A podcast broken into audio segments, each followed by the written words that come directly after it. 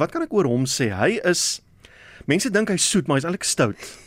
Hy's 'n stoute mannetjie en hy's ondeend en uh, hy's harregat, maar sy hardkoppigheid was al tot voordeel gewees want as dit nie vir hom was nie dink ek sou ons nou nog nie parkering gehad het hier by die SAIK nie. Regtig. Ja.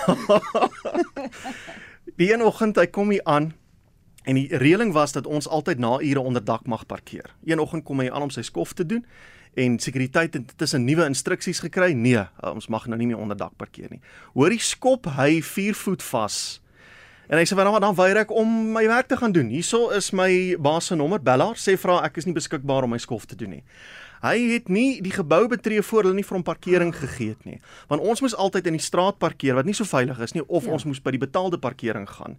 En toe hierdie hele betalje, ek praat nou van omtrent 10, 12 jaar gelede. Hierdie hele betalje het veroorsaak dat bestuur dringend met die hoof van sekuriteit moes gaan gesels om vir ons sal ek maar sê gewone ja. mense ja. ook parkering te kry by die SAIK. Ek praat van Derry Gardner. Internasionale radiodag vaar het my pad met radio begin.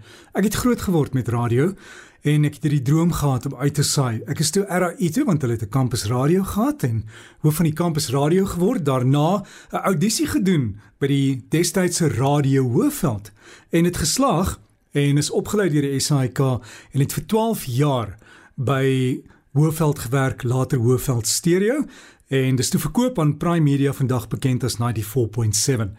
Toe het ek 6 jaar by eers Radio Jacaranda spandeer wat verander is na Jacaranda en daarna is ek by RSG aangestel waar ek nou al meer as 'n dekade lank uitsaai.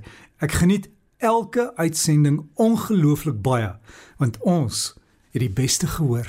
En tans bied hy die suksesvolste Saterdagoggend ontbytprogram in die hele land aan oor alle kultuurgrense en tale heen. Sy program het meer luisteraars op 'n Saterdagoggend as enige ander Saterdagoggendprogram van alle ander radiostasies in Suid-Afrika. Dit is dit nie ongelooflik nie. Wow. ja, Derry Gardner wat mense ook nie van hom weet nie, hy's tegnies baie baie baie skerp. Ek het al dinge by hom in die ateljee geleer wat ek nie geweet het daar bestaan eers sulke goed nie. En die woorde wat ek met hom assosieer is hoekom nie? as as as jy as jy as jy vir hom sê luister ons ons kan nie dit doen ons kan ook nie dat doen dan sê hy hoekom nie dan vind hy 'n manier.